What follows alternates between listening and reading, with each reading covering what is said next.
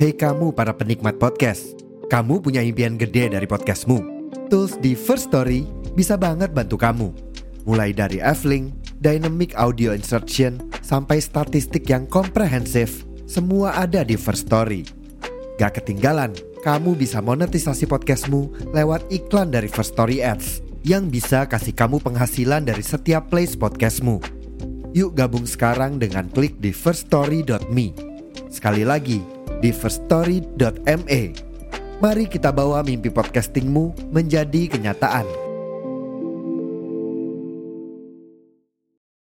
Speak the Mind is on air. Let's start.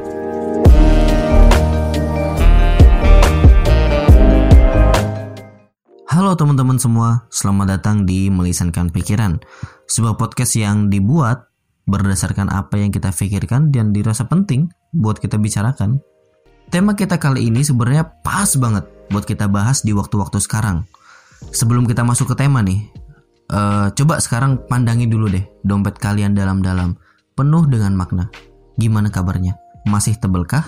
Atau malah udah tipis? Atau malah udah kosong? Ya, betul sekali Udah dapat dong tema kita dari clue yang tadi? Di kesempatan kali ini kita akan ngomongin tentang masalah kebutuhan dan keinginan. Emang beneran lagi butuh atau cuma pengen aja? Kebanyakan dari kita nih punya kebiasaan kurang baik, di mana setiap menerima uang pasti langsung menjadi sultan, tapi temporary aja. Why?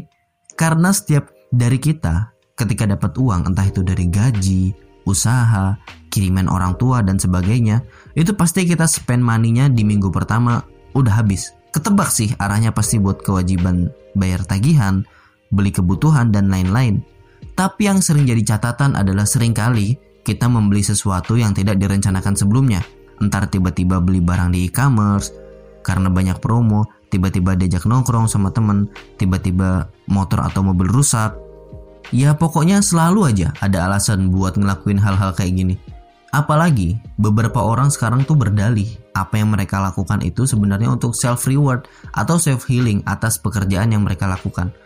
Ya nggak masalah juga sih sebenarnya. Kan yang jadi masalah itu kadang kita nggak tahu tuh tolak ukurnya. Sebenarnya kita tuh harus tahu juga apakah self reward atau self healing yang akan kita lakukan bernilai sama besar dengan usaha kita atau malah jangan-jangan self reward melebihi daripada usaha Sampai-sampai hasil kerja keras kita yang seharusnya bisa buat beli motor, beli mobil, beli properti, ngajiin orang tua, itu malah habis gara-gara self reward. Teman-teman, sebelum kita spend uang kita, ada baiknya kita uraikan beberapa pertanyaan berikut ke diri kita sendiri sebelum kita membelanjakan uang kita secara impulsif. Teman-teman bisa mulai dengan pertanyaan, urgent gak sih barang itu sampai harus dibeli sekarang? Kira-kira kalau nggak dibeli sekarang nanti-nanti aja nggak apa-apa kan? Dan juga kita harus pertimbangkan apakah barang yang akan kita beli itu punya fungsi secara fundamental buat kita atau dalam arti apakah barang itu akan berfungsi buat kita dalam jangka panjang. Pastinya pertanyaan-pertanyaan itu cuma teman-teman sendiri yang bisa jawab ya kan? Karena ini adalah pertanyaan yang ditujukan ke hati paling kecil teman-teman, maka teman-teman harus jawab dengan jujur ya.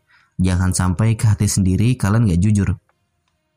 Ada beberapa perbedaan teman-teman atau indikator yang bisa kita pakai untuk bahan pertimbangan. Apakah ini benar-benar merupakan sebuah kebutuhan atau hanya sebuah keinginan belaka? Yang pertama, kita harus tahu tuh sifat antara kebutuhan dan keinginan. Kebutuhan biasanya memiliki sifat yang objektif, sedangkan keinginan itu memiliki sifat subjektif. Dampaknya, jika kita mengikuti keinginan, itu biasanya lebih mengutamakan rasa kepuasan, Walaupun di sini ya kepuasan yang dirasakan bisa memberikan dampak positif, namun tidak memungkiri juga jika rasa kepuasan tersebut bisa memberikan dampak negatif. Sedangkan dampaknya jika kita mengutamakan kebutuhan, itu selalu mengutamakan manfaat dibanding rasa kepuasan. Dan yang terakhir, tolak ukur dari kebutuhan dan kepuasan adalah jika kebutuhan biasanya lebih ke fungsionalitas, sedangkan keinginan itu lebih ke selera. Ya walaupun selera kadang-kadang juga satu paket ya sama fungsionalitas, tapi itu jarang banget.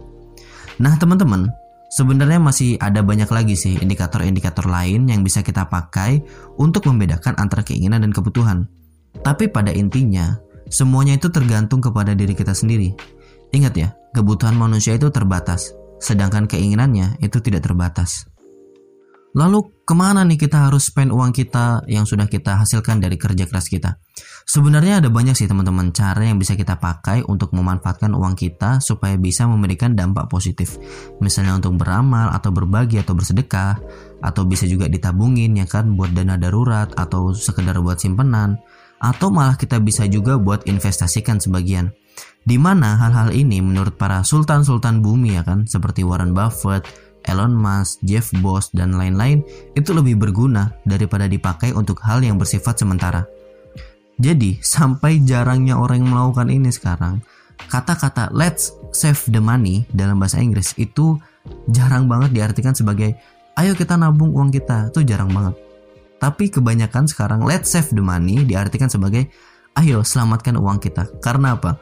karena saking banyaknya godaan yang dapat membuat kita mengeluarkan uang kita untuk hal-hal yang bersifat temporary dan tidak berguna.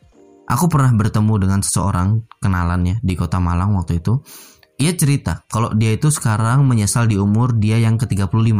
Karena menurutnya, gaji yang dia punya mulai dari umur 20-an sampai 30-an itu seharusnya sudah bisa dipakai buat beli rumah dan satu buah mobil. Tapi, alih-alih ia membeli itu semua, dia sampai sekarang harus tinggal di sebuah kontrakan dengan sepeda motor yang dia beli di tahun 2013. Dan yang menjadi kesalahan terbesarnya kala itu adalah ia selalu memenuhi keinginannya. Ia selalu makan di tempat mewah, jalan-jalan, staycation, shopping bareng teman-temannya, sampai kelupaan tuh kalau dia suatu saat pasti butuh yang namanya rumah, butuh yang namanya mobil ya kan buat bekerja. Ya karena kan semakin tua usia semakin berkurang tenaga. Well dari sini seharusnya kita semua paham kalau masalah edukasi tentang uang dan pengaplikasiannya dalam kehidupan itu sangat penting dan tidak bisa diremehkan. Uh, mungkin teman-teman sampai di sini dulu aja ya uh, obrolan kita hari ini. Aku sih berharapnya kita semua tetap bahagia, tetap sehat, tetap tersenyum, tetap sabar, tetap semangat ya kan, tetap beruntung dan yang terpenting tetap dekat sama yang maha kuasa. Mumpung sekarang masih akhir bulan, kalian harus mulai rencanakan di awal bulan nanti atau di bulan baru nanti ya bulan Desember awal-awal itu bagaimana uang yang kalian dapatkan nanti bisa kalian manfaatkan atau bisa kalian atur semaksimal mungkin supaya ya kejadian kehabisan uang di minggu pertama tidak terulang lagi dalam hidup kalian. Cukup sampai di sini dulu aja ya teman-teman. Unzur makola walat unzur mankola. Good luck in our life and see you next time.